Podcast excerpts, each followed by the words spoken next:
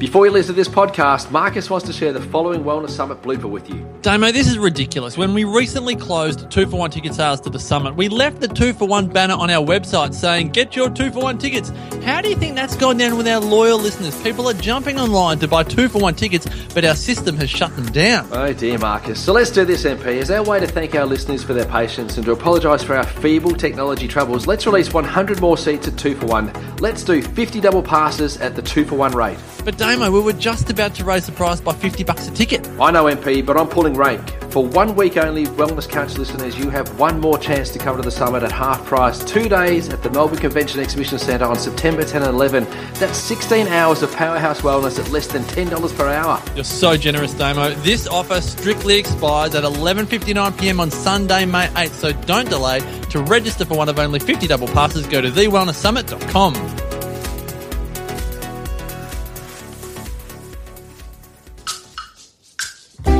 TheWellnessCouch.com, streaming wellness into your lives. Welcome to Nourishing the Mother, featuring your hosts Bridget Wood and Julie Tenner. Hello and welcome to Nourishing the Mother. I'm Bridget Wood. And I'm Julie Tenner. And today's podcast is sponsored by Far From the Madding Crowd, which is a gorgeous couple of mums who make all sorts of handmade, just divine gorgeousness for your home and for your body. They sponsored our retreat with a handmade polymer um, keyring. And in our Mother's Day hamper pamper, pamper hamper, they also, it's a nice play on words. It is. Well done, me. they also um, gifted handmade, these gorgeous handmade collar pins, which can also double as uh, gorgeous brooch or scarf uh, pins. So amazing stuff. Good. Oh, if you're on Fun Facts Friday, I also did one. I'm mad for them. They do these amazingly cool foil quotes, and they did that. Um, Oh, yeah, what was it oh, again? what was that one? Um, uh, sorry, can't. I have to walk my unicorn. Yes. which Which I, I love. freaking love. and if you're not part of Fun Facts Friday, you should be because we're having yeah, so yeah. much fun with it. Yeah. It's just random shit we're loving on in our lives that we're posting to share with you because you might also want to love on it. And we're a little bit cheeky if, if you're on the list and you got last week's one. So, yeah, just just join us. So, go to the nourishingthemother.com.au if you want to join up on that. yeah, join the tribe for Fun Facts Friday. Very, very brief, funny email. Yes. So, far from the Madding crowd, check them out. They are doing market circuits and also online Pinterest.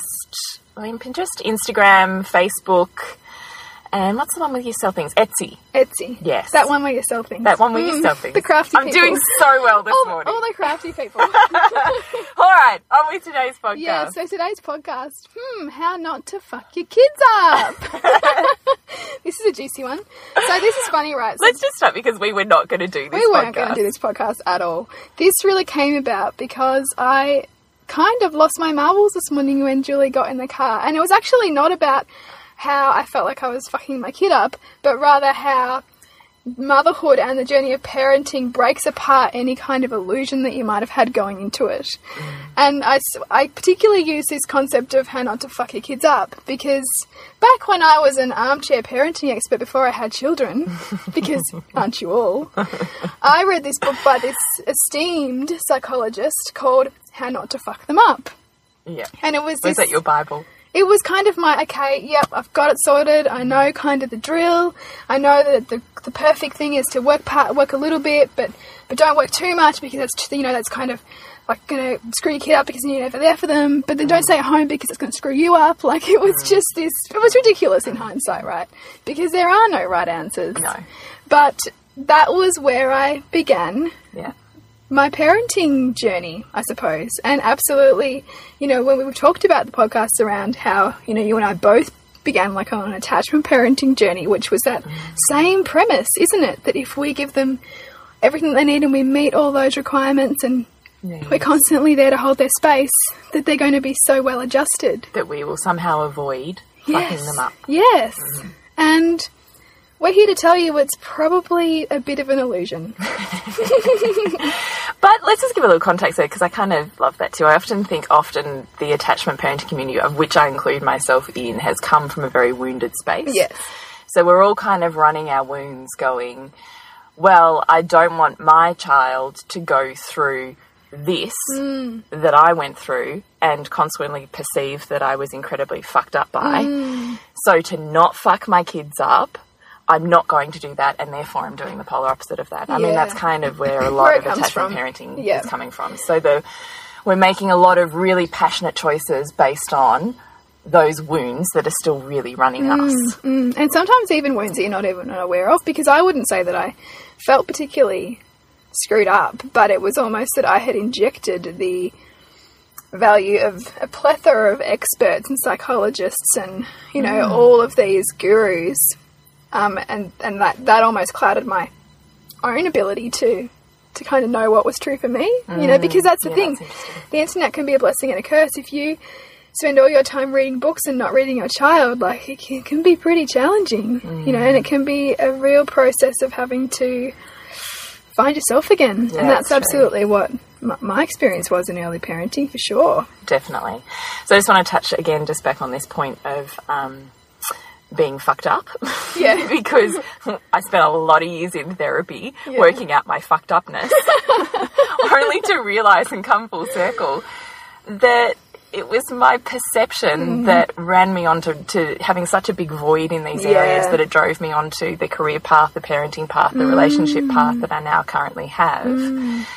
And now no longer run that story because it's perfect, Yeah. right? The stuff that fucked me up in my childhood and adolescence, I now see as utter perfection mm. because no way would I be the woman I am. No. May, having made the choices that I have on the path and direction in my life that I've gone, had I not had those experiences. Mm. So my in inverted commas being fucked up was perfect. It was almost like the ultimate blessing. I needed that Yeah. to have the lesson, to make the choices, mm. to make the woman I am, mm. to serve my soul and community the way that I do. Mm. Had I not had those woundings, no way Yeah. would my soul be on the journey that it's on, able to empathize and and gift in service to the women in my life. No way. Yeah, because you couldn't you couldn't possibly relate. You, So you had- why would you want to avoid fucking up your kids? Yeah. Because the fuck up is kind of the perfection. Mm.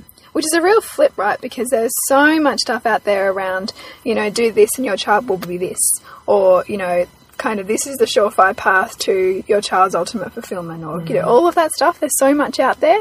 And that we naturally as humans want to, you know, avoid the pain of things and just find the pleasure and, you know, almost over support our kids. Or probably for a lot of us as compensation for that sense that we're not giving them enough or that we're not giving ourselves enough. So we'll kind of go into saving them or, you know, giving that constant praise or constant mm. just cotton wooling, you know, that, that, that is kind of that helicopter parenting type era that, in which we're living. But, you know, as your journey has seen, some of those periods of being really alone and feeling really mm, vulnerable and helpless actually gave you the fire Totally. to I'm in total gratitude Yeah. for for the childhood that I had with the parents that I had Mm. now. But I tell you what, I spent a good decade in therapy Mm. thinking how wrong that was.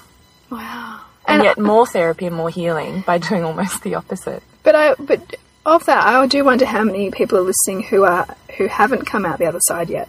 Oh, for sure. You know, who are still in that sense that something was missing, and that I didn't get enough. Yeah. Because that's a story that perhaps some people never get over. Mm-hmm.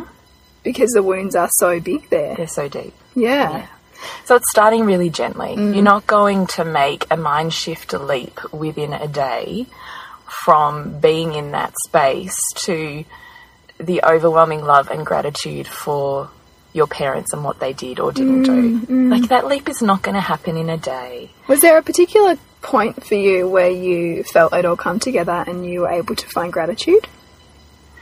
I think it was really when I really sat down and looked at all of the, I suppose, really poignant wounds or moments that I felt like were traumatic and scarring for me that I had tried to spend years pulling apart. And looking at out of those moments, what were the choices, the decisions, and the, the, the momentum or the life feeling that I took out of those that changed the course of my future. So you really had to step out of um, that in the moment victim mentality Yes. to pull yourself into a bigger picture view. I did, yeah. Yeah. So I guess there is a bit of stepping out of the, yeah, that victim space of, oh, I'm so hurt and how could they do that to me? And I would never do that to my child. And I don't understand how you could do that to your child. All of that stuff Yeah. that had been running me for so many years. And the thing is, you know, the society in which you live reinforces that, doesn't it? Because Yes. it says this way of parenting is good, this way of parenting is bad. Yes. And so that's also in reinforcing that story for you that what they did was Yes. wrong. And it's it's a very human experience as well though. So when we're looking at spirituality and about soul purpose, we kind of have to step a little bit above where that human emotion is sitting mm. because you're looking at why has this happened to me? Mm. Why is it in my life? Because there is always learnings out of every one of those things on a soul level. Mm. So why has my soul chosen to go through this? So out of that is why? Okay, why? Why my human life? Where did that lead me? What were the emotions that I took out of it? What were the learnings? What were the beliefs? Whether I still believe them or not is irrelevant. Yeah.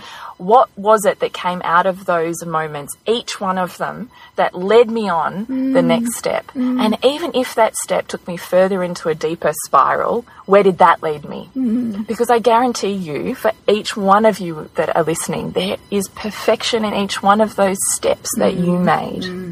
Whether you perceive them as good or bad. Yeah, yeah, and that's It's- it's irrelevant. Yeah, that's the key, isn't it? It's about looking at the perception in which you have, because the perception is simply just taking a side Mm. in something that that is sideless in truth, because it's got both. It's got you know, in all those moments that you felt that you were being immensely challenged, Mm-hmm. there was somebody that was supporting you somewhere, but it wouldn't have been in your awareness because we're, Mm. Or it's not in the form that I'm consciously looking yeah, for it in. yeah. So you're looking for it to come from your parents, Yes. But you can't force something No. that's not there. So where else was it? Did Where it create it? Stronger connection with my sister, with my friends, with I tell you what, my my um, friends' parents? yeah. You know, it, it's it's amazing how that extends their your you know, and that's that whole concept behind our kids not necessarily needing to just make close connections with just the parents, looking Mm. at what is the benefits to our children of extended intimate caregivers in the form of um, daycare, Mm. of grandparents, of because we all have our own imprint Mm. and learning and soul journeys, and as souls, we kind of call those people into us. Yeah, and I mean, even as a parent, you know, if you've got um, perhaps school age children, you will know of the kids who perhaps might spend that little bit longer at your house Mm. because that's where they might feel safe. Mm-hmm. And so you might judge that as saying, oh no, that poor child doesn't get what they need from their parents, but they're getting it from somewhere. Mm. Maybe they're getting it from you. And is that wrong?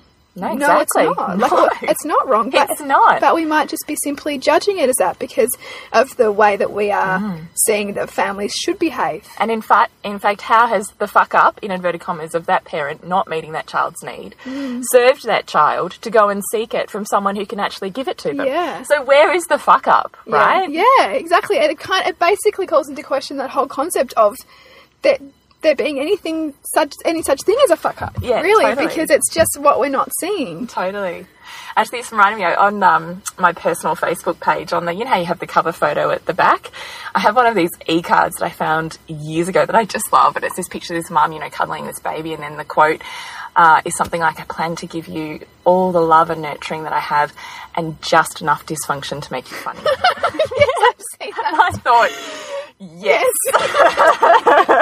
It's so true, isn't it? yes, And I think the importance of, of getting real about it too makes you so much more humanly relatable to other mothers who are on a you know, on the on the journey. we're all on the journey. you know, like and And behind every child is a mother pretty sure she's fucking it up. yeah, totally. Behind every single one. Yeah.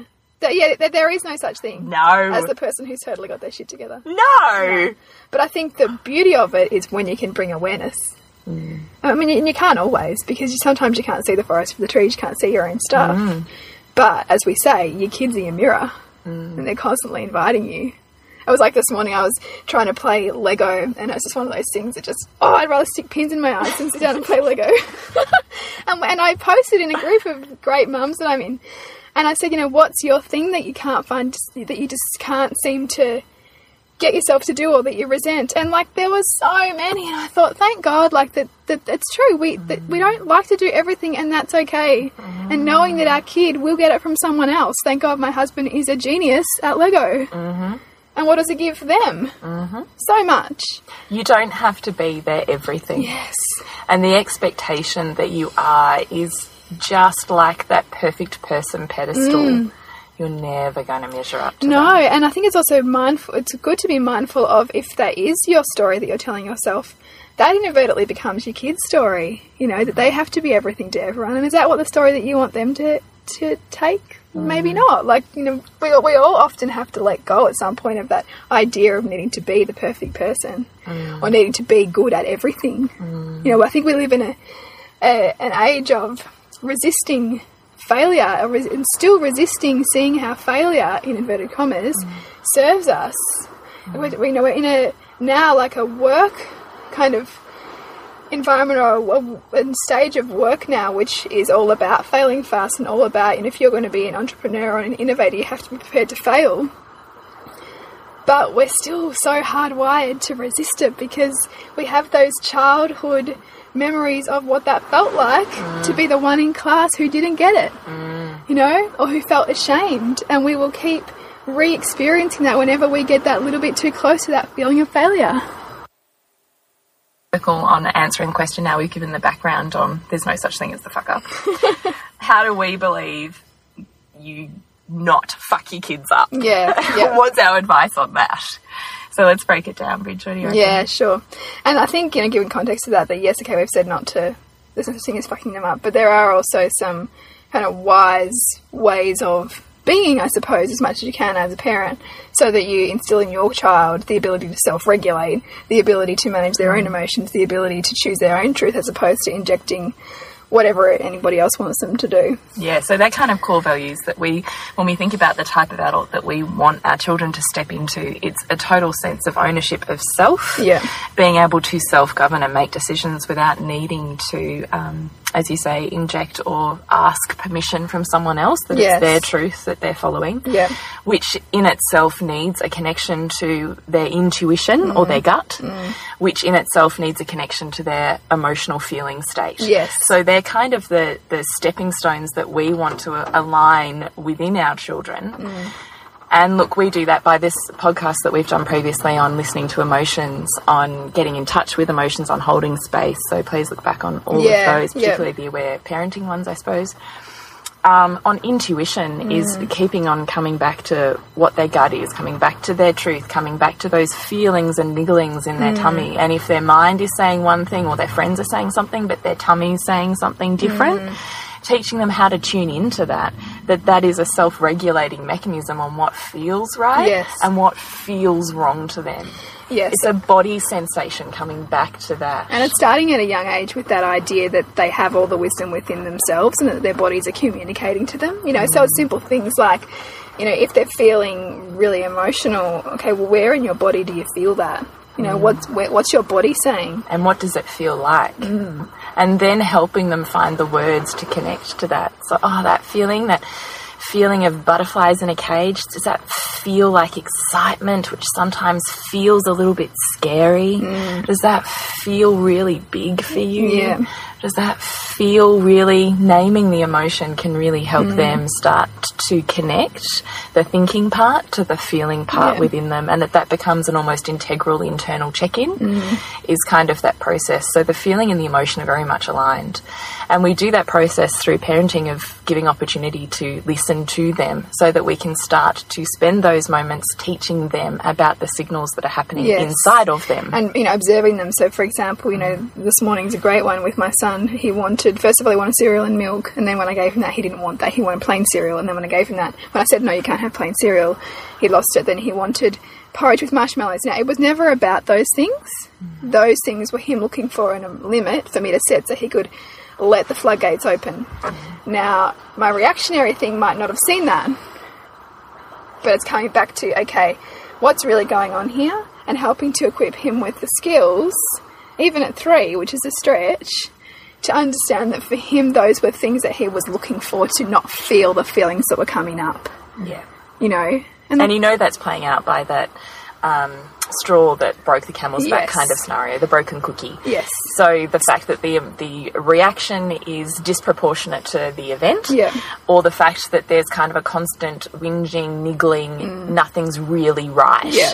That's a sign that they're wanting to avoid going into their bodies to feel whatever's going on for them. Mm. Yeah. Because if it was really just I want cereal, you'd give them cereal and they'd be satisfied. Yes. So if they're not satisfied and it's kind of keeps going on, it's not about the thing. Yeah, it's not about the thing in which. So yeah. come back to putting in a limit. Okay, no, we're stopping right here because we need to go back in. Mm.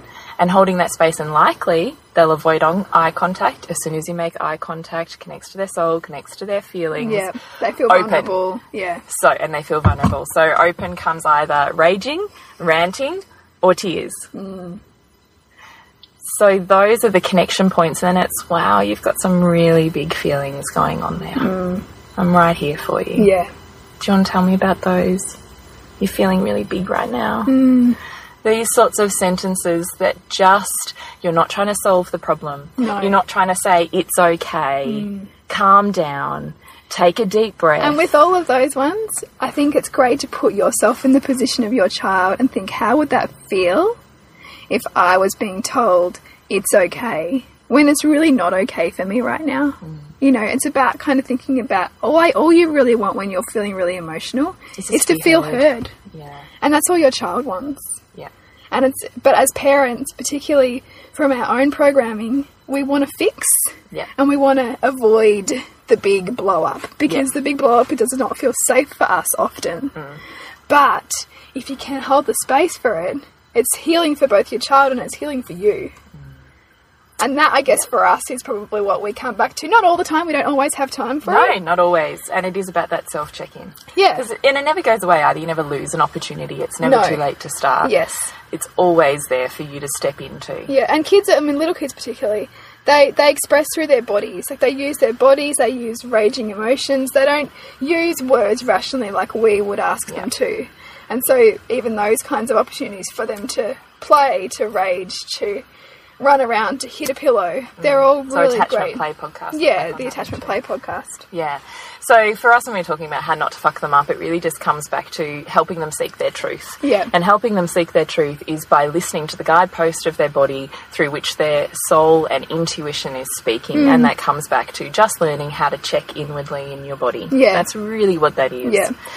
The second most paramount point for us, and that we're really hoping this community is creating, is this sense that it's our responsibility to lead the way, to show the Yes. path, so that when they're ready and they look up to go, what else is there or where am I supposed to head now? It's not just lip service. They've got a path because they've seen you as their mother doing it. Yeah. They've seen you leading the way on how to live on purpose, how to live fulfilled, how Mm. to live feeling connected and open hearted and vulnerable Yeah. and happy Yeah. and these things that you do for yourself is the greatest gift that you can give your kids. And that's the greatest teacher, however you are with yourself, is, is how they learn to be with themselves.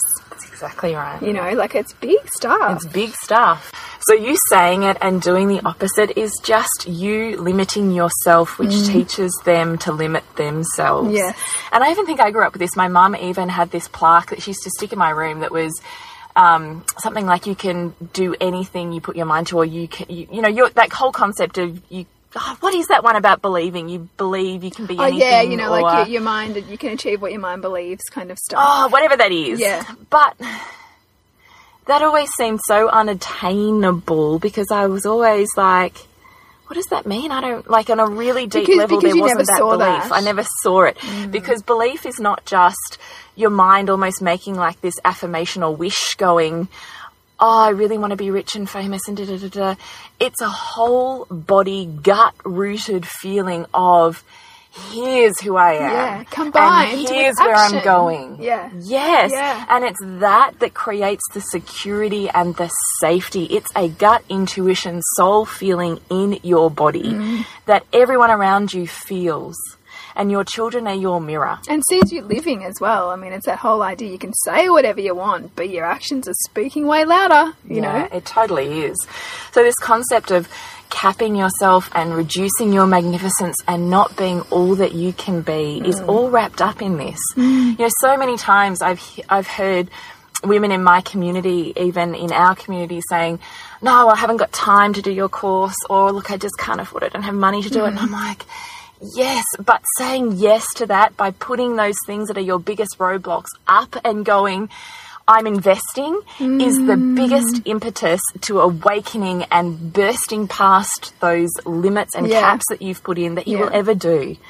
And just doing it gives you the motivation and the drive to mm. go the next step. And I think what's really powerful, and this is what we found out of the retreats, was just the doing that as part of a community of other women doing that too. Yeah. You know, it's that whole idea like you can't put your hand in a pot of glue without some of it sticking. If you are surrounded by other people who are really getting themselves to step outside their comfort zone and think bigger, you naturally do that yourself.